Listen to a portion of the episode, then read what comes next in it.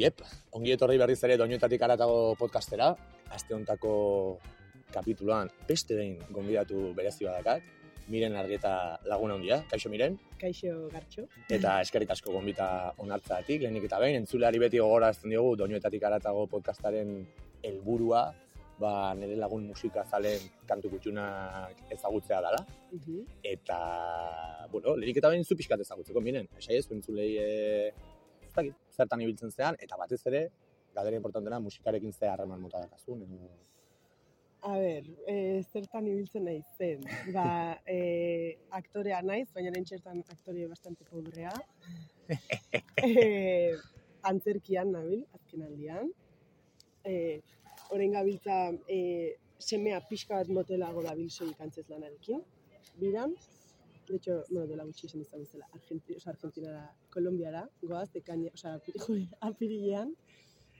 Eta, eta hori, bueno, Madrilen bizi naiz orain, han ari naiz antzerki ikastaro baten, eta, eta bueno, bueltaka nire izitza pixkat Madrid donosti, donosti Madrid, eta alzan ordu asko pasatzen, eta diru asko gastatzen. Bai, ala izaten da, normalean, eh, ez dakit nola esan, sorkuntzarekin zer ikusia daukan edo zertan ibiltzen garen guztio, Hmm. ze harreman bereziak haun eh, transporte publikoarekin. Bai, bai, gure bizitzaren parte handia da. Nik jak- beti galdetzen duen helburuari, eh, kalkulatu nahiko nuke bizitzan zenbat eh, Ja, diru gastatu duten eh, Zenbat diru eta zenbat denbora. ba, denbora igual izango zen entzuteko, ez dakit, okerragoa. Baina bai, eta adibidez, musikarekin zure bizitzan, bueno, antzerkien eta ere oso elementu importantea, baina bizitzan nik badakit musika zalea zehala. Hor Bai. jartzen dituzu eh, zure bidaietan entzuten dituzuna bestia, kontzertutan ere ba ikusi izan zaitut behin baino gehiagotan. Musika nola bizi dezuzuk eh, bizitzan? Zein garrantzia dauka? Eh, a ber, eh, es que da bastante típico arantzen, no? baina oza, nire bizitzaren oso, parte handi bat, ez? Oza, niri gustatzen zait esnatzea eta kafea prestatzen nahi naizen bitartean ja musika jartzea. E, kontzertutara juta ere asko gustatzen zait. Eta, bueno, gero ere txikitan antzerki munduan sartu baino lehen dantzaria nintzen, bueno, dantzaria, osea, dantza klasetara. Dantza egiten zenuen, Dantza egiten bai. dantza klasetara juten nintzen. E, biola ere jo nun, orduan jaso nun nolaiteko eziketa musikala egin lenguaje musikal, no seke, gitarra ere probatu nun pare bat urtetan, orduan, bueno, ba hori, osea, ez nahi ez dedikatu profesionalki, baina oso musikazalea naiz eta eta hori. Eta esango zenuke daukazula igual momentu bakoitzerako musika mota bat, edo zea eclectic, eclectic woman bat, eta ba, aizeak jotzen duen lekutik eta jazta. momentu Eh, oro. Bai, osea, a ber, Bai, bez, goizeko kafeak dauka igual Claro. beste banda sonora bat. Claro, edo ez bai, O ariketak beste, ariketak egiten beste bat, ez. Mm. Osea, esango nuke dakatela, bai, osea, depende eguneko ze orduan eta zertarako, pues, ez dakit, prestatzen ari ba naiz, e, kalera juteko edo parrandan atatzeko pues, musika entzuten dut, goizetan etxean lasen nagonean edo etxagarritzen ere izenan beste musika entzuten dut, pues, bai, Hola, pixkat denetarik. Lo típico de ez dakatela hola musika estilo zehatzikola gustatzen zaena, ze denetarik entzuten. Hori bastante erantzun klasikoa da. Bueno, baina- erantzun eh, sanoena ere, esango nuke. Bai, Hola, azkenan burua eta ez dakit, e, guztuare irekita bitxe.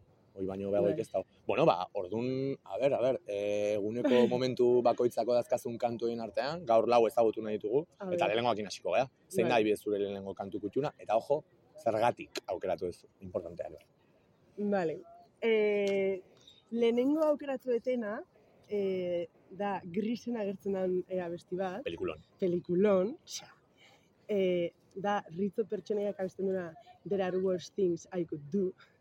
Eta hau da, abesti bat, osea, onartu askotan entzuten detena, eta abesti bat, osea, ez naiz lotxatzen garatxe, eta kontatuko izatuen konfiantzan, en plan, gustantzana pilo bat motibatzea etxean bakarrik abesten eta interpretatzen, bakarrik, osea, me claro, entiendes, hombre, no? Claro, claro, claro. Welcome to the club, miren. Yes, o sea, sí soy esa persona. Nik aipatu behar dizut, e, eta bueno, esan dezu hemen, hau- aitortzen zu konfiantza, bueno, hemen, hau gero entzungo du jendeak, baino, e, Osa, nik aitortzen dut, inolako lotxari gabe, gris dagoela nire pelikula gustokoenen e, top bostean. Bai, Eta gaina arrazoi berezi badakazen, jo, gaztetan pila bat ikusi nuen. Mm. Beno ez zegoen DVD eta Mm. bideo eta horiek, eta hau antena 360 hola, ia jazte buru botatzen zuten. Mm.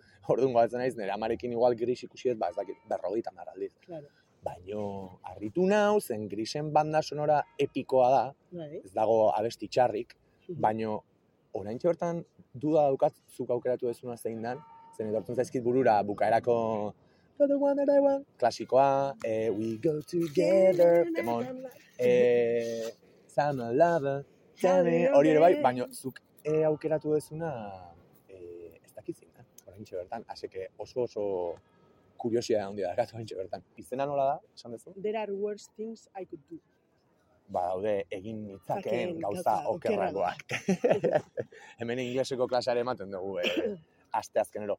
Hemen txakazu mirenen lehen kantu kutuna, gris pelikuloieko soinu mandako There are worse things that I can do. That's the one I was telling you about. There are worse things I could do than go with a boy or two. Even though the neighborhood thinks I'm trashy and no good, I suppose it could be true. But there are worse things I could do. I could flirt with all the guys smile at them and bat my eyes. Press against them when we dance, make them think they stand a chance, then refuse to see it through. That's the thing I'd never do. Could stay home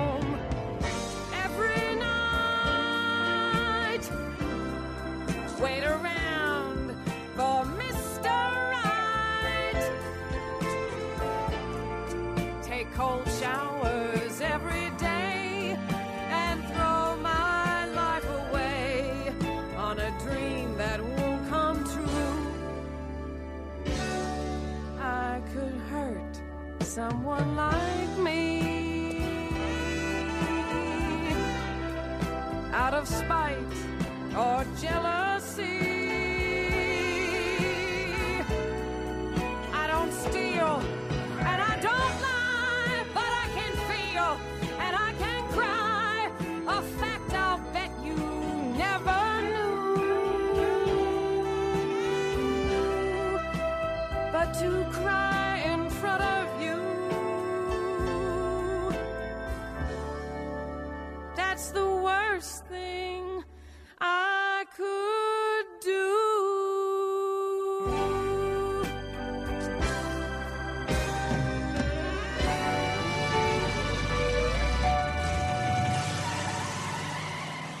Dugu, mirenen lehen kantu kutuna, eta, bueno, hementxe donostiko itxasoi behiraia, eta azte unota handi emango, baino barrutik dantzak jarri seguru bai. Aurrera goaz, miren, bigarren Bai. kantu kutuna zerga, eh, zein da, eta eta zergatik aukeratu duzu. E, bigarren kantak utxuna, esan, bueno, e, niri asko gustatzen zait, Euskal Herri osoari bezala, ez? E, berri txarrak, taldea, obviamente, eta asko, osea, talde gutxi entzute ditut horrela en plan de, bueno, jarriko diska eta osorik, eta buklean, pues, abestiak, ez? Jo que se, pues, itxagarbitzen zaudela, o lo que sea, orduan, pues, berri da niretzako, pues, talde hori. Eta, e, berri ere abesti favorituena ez da horrela oso tipikoa, ez da, bueno, igual de repente esango diaztu baietz, baina gustatzen zait pilo bat, bigarren eskuko amets, es un temazo, Denbora poligrafo bakarra diskoko, Bai. triple diskokoa ez da. bai, hori da. Eta, eta bai da abesti bat, pues, osea, beti dago, mitiko playlist berriak ite dituzula, eta hori beti dago, osea, ez naiz aspertzen inoiz, eta nire abesti favorito. Hori da, bigarren eskuko amets. Bai, bai, bai. bai. Bai, spoilerri gabe, spoiler. Bai, e, bueno, hombre, eske berritxarrak bezalako talde baten diskografia inda handia, nik ere lanak bere izten zeintzu dian beraien, ez dakit nola esan, klasiko, klasikoak. Igual jendeak gehiago jotzen ditu klasikotzat berritxarraken kasuan aurreko diskoetakoak, lehenengo diskoetakoak. Ba, nik ezingo nuke oso zaila ingo litzaiake berritxarraken top amar bat egitea, Ja. zen egia esan, abesti guztiek eta disko guztiek eta evoluzio guztiak dauka zerbait metaletik hasi, rockeroago, hardcoreago, Mm. egin zuten hor, eh, ba ez dakit, eh, esperimentazioa handiagoa igual beste doinuekin. Nire adibidez oso harik eta interesgarria irutu zitzaidan i- eh, denbora poligrafo bakarra disko, triple diskoko ez dakit planteamendu hori, zen azkenan disko bakoitzak zeukan nola planteamendu soniko bat. Eta oker ez banago bigarren eskukamez dago hor, eh, ez dakit, abesti eta komilak irekitzen nahi naiz, lasaiagoak ditun e, e, CD horretan. Ez dakit Bai. zeina, ere bai daudela helduleku guztiak eta pillas. beste, bai, bai, bai, bai. Us, esango nuke hor lehenengo diskoa dela, triple disko horretan, egurra, hor, e, bigarrena, ez dakit, e, indiagoa, zentzu honenean, edo poperoagoa. Eta hau horren barne Eta hau horren barruan dago, uste Bai, baietz, bai. uste baietz. Eta neri, neri gustatzen zait, batzutan gogoratzen, ne, ne, ne, Ez hori da den. guztia. Bueno, bero ingo ultrapitxeo, bero ingo ultrapitxeo. Vale. Bai, eta bigarren eskuko amets, ze kontzeptu guapoa, eh? Bai, Eske, bigarren eske eskua. gorka, tío. Ja, vale, eske poeta. Bai, bai. Egia esan, e, bai, oso kontzeptu, oso kontzeptu berezia. Ametsak azkenean beti dauka igual gardentasun hori eta lehenengo aldiz dan zerbait, eta hemen kasundan bigarren eskukoa. Ze Hmm. interpretazio egiten duzu zuk abestiaren. Abestiarena. Eh, Egiten badezu. hartzazu nire poesia, hori da igual nire gehien gustatzen zaidan esan dira. Hartzazu. Em, Eta gero Es que- gabestiak esaten ditu ja. Hartu nire poesia, baina nire gabestiak ere bai. Nire ja, ja. Ah. Ez dakit, osea, ez, ez dakit alko non deskribatu ze zerran abestientatik la gehien engantzatzen hauena, baina da, osea, ez dakizula oso ondo horrelako letra e, abstraktoak edo, ez direnean, Igual, bakoitzak bere irakurketak azken batean. incluso ez? igual egiten duzu irakurketa berdin bat, entzuten duzu, ber, berri bat entzuten duzu Claro, bakoitzean. claro, Bai, hori da ere artearen e, onena, eta niretzako ba, letra honak idazten ditu jendeak kasu honetan bezala e, sugeritzeko daukan e, indar hori. Osea, gauzak ez diela gordinak, baizik eta entzuten dituzu eta zuk eramaten dituzu. zure- Segun motibatuta egon, bolo bat euki kafea prestatzen egon, edo Madriletik bueltan autobusean, segun ze momentutan ze momentutan zauden, emango zaitu Bai. momentu bat. Bai, Guai, guai, guai. Ba, entzune ingo dugu, e, berritxarrak talde puskaren e, bigarren eskuko amets, denbora da poligrafo bakarra triple diskoko kantu puska.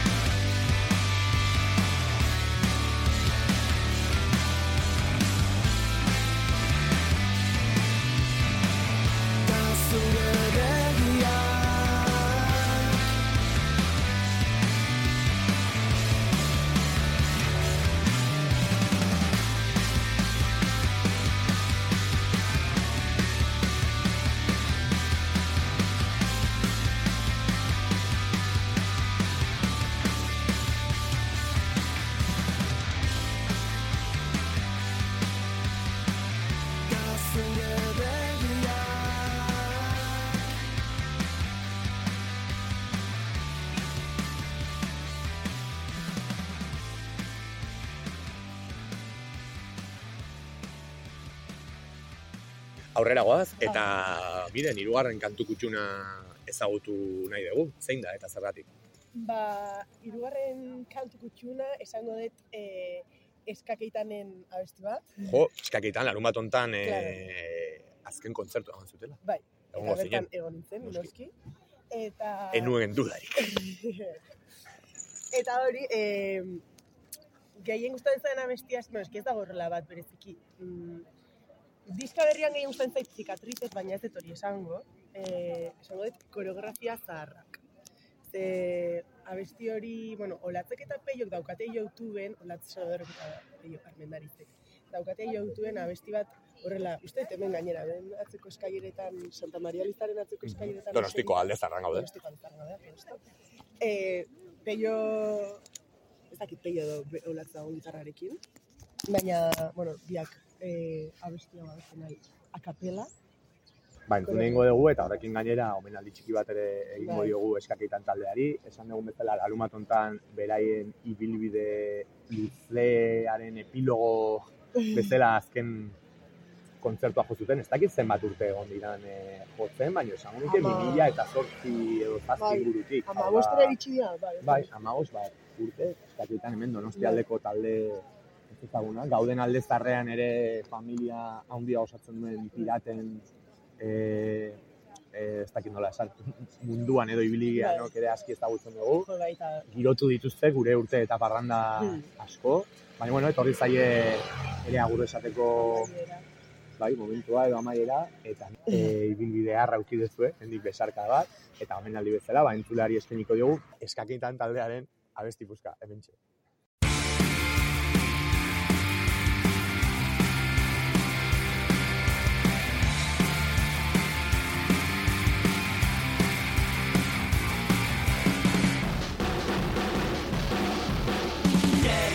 itzakiak asmatzen Ez du dezu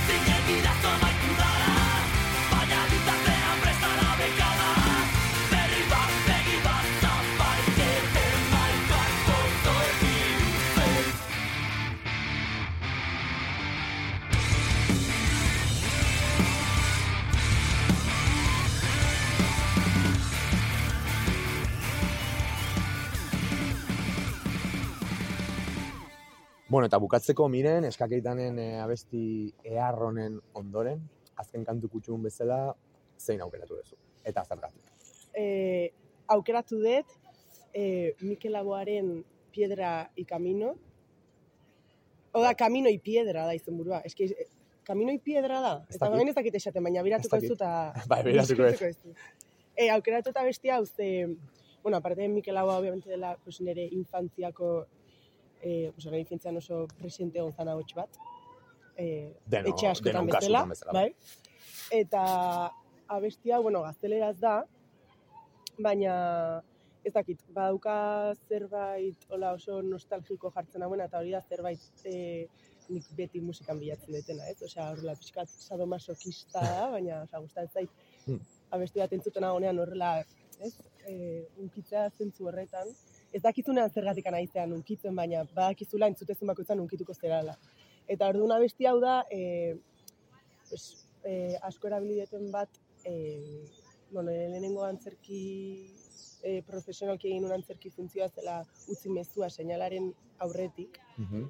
E, hau entzuten un beti kamerinoan estenatokira atera baino lehenago. Jartzen ditun aurikularrak eta konzentratzeko tresna bezala, edo igual eh, ez dakit Bai. eh, pertsonaian sartzeko, edo eh, emozioak igual lehen lerroratzeko, edo ez dakit. Zer? ez dakit esken nola funtzio bakoitza, osa, gero, gaina, ba, bukatu genuen Madrilen e, onginan hilabete, antzesten, Mhm. 2000 eta hogei, hogeiko, e, abuztuan, uste, eta orduan egunero genuen funtzio bat, eta nik egunero jartzen una bestia, eta pues, batzutan laguntzen zean konzentratzen, beste batzutan lasaitzen, beste Batzutan deskonzentratzen deskonzentratzen, baina esan, como, egin un, ba, nire rutinan,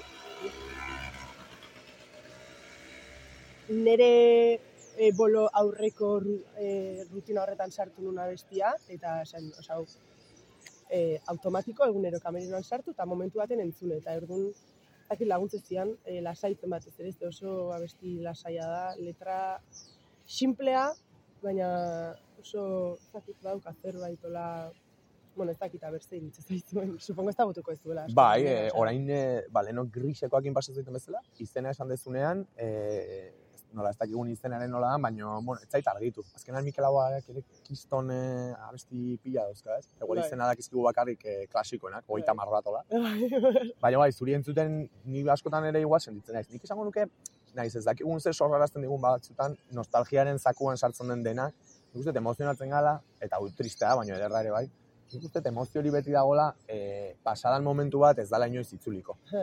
Eta ojo, e, hori da gauza bat oso polita ere, bai, Hmm. eh? ez da zergatik triste izan behar, baina nik uste ere batzutan zerbait entzun eta emozionatzean, Hmm. eta ez daukazunan esplikaziorik normalean da e, pasadan Hmm. pasadan hori ja pasadalako. Eta horrek sortzen duen sentsazio e, multzoa. Eta nik uste Mikel Aboak eta beste artista asko hainbeste entzun ditugula e, etxetik eta Hmm. eta gure kulturan eta gure egunerokotasunean ba, beti daukatela atzera bidaiatzeko potentzia hori, ez? Bai. Edo edo almen hori. Orduan, entzutera nintzen eta ahots batzukola, ez? Osa, Bai. osea, ba, Mikel Laboa, Bai, bi adibidez pasatzen zait, eta bai. hone, podcast hontan ere asko aipatu da, solotan beleren kasua ere Mm. bai, jode, solotan beleren kaseta zainek ez dauka, bai, e, raro, eta zeinek ez du entzun hainbeste aldiz gaur egun ere, azten zaizkigu beste mila baina solotan belen letrak oraindik hor sikean, ez? Hmm. Eta nik uste dela, ba hori, garai bati asoziatzen diogulako, ez? Soinu hori eta eta garai hori ja pasa delako. Bai. Eta gogoratzen garen egiten dugu,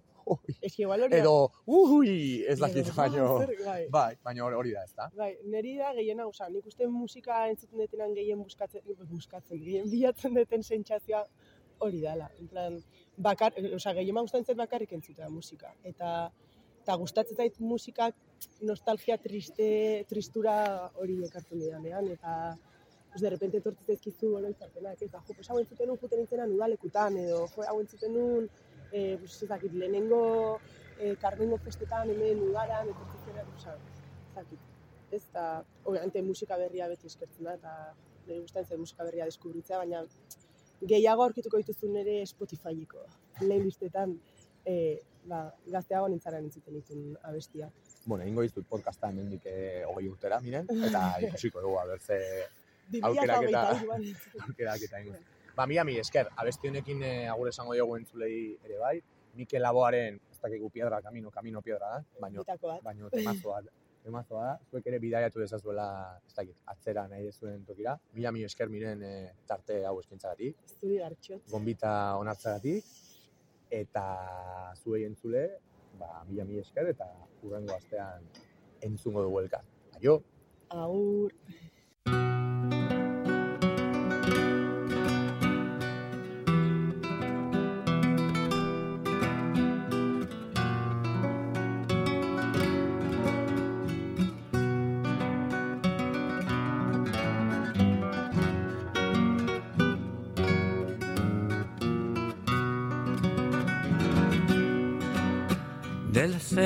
Vengo bajando, camino y piedra.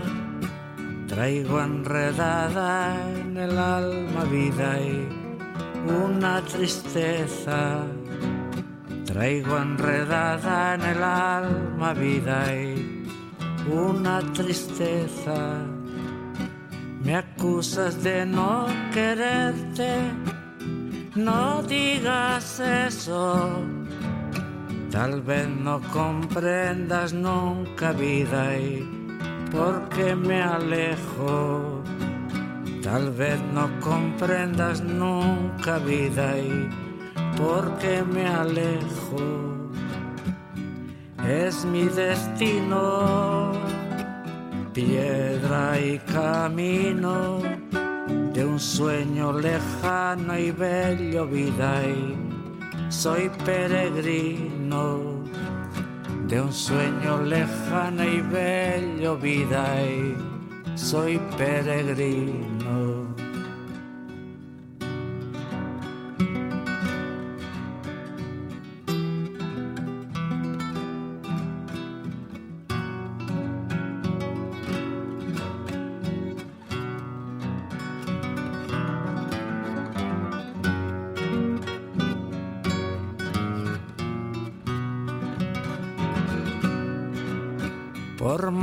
La dicha busco, vivo penando. Cuando debo quedarme vida y me voy andando. Y cuando debo quedarme vida y me voy andando. A veces soy como el río llego sin que nadie lo sepa vida y me voy llorando. Y sin que nadie lo sepa vida y me voy llorando. Es mi destino piedra y camino de un sueño lejano y bello vida soy peregrino de un sueño lejano y bello vida y soy peregrino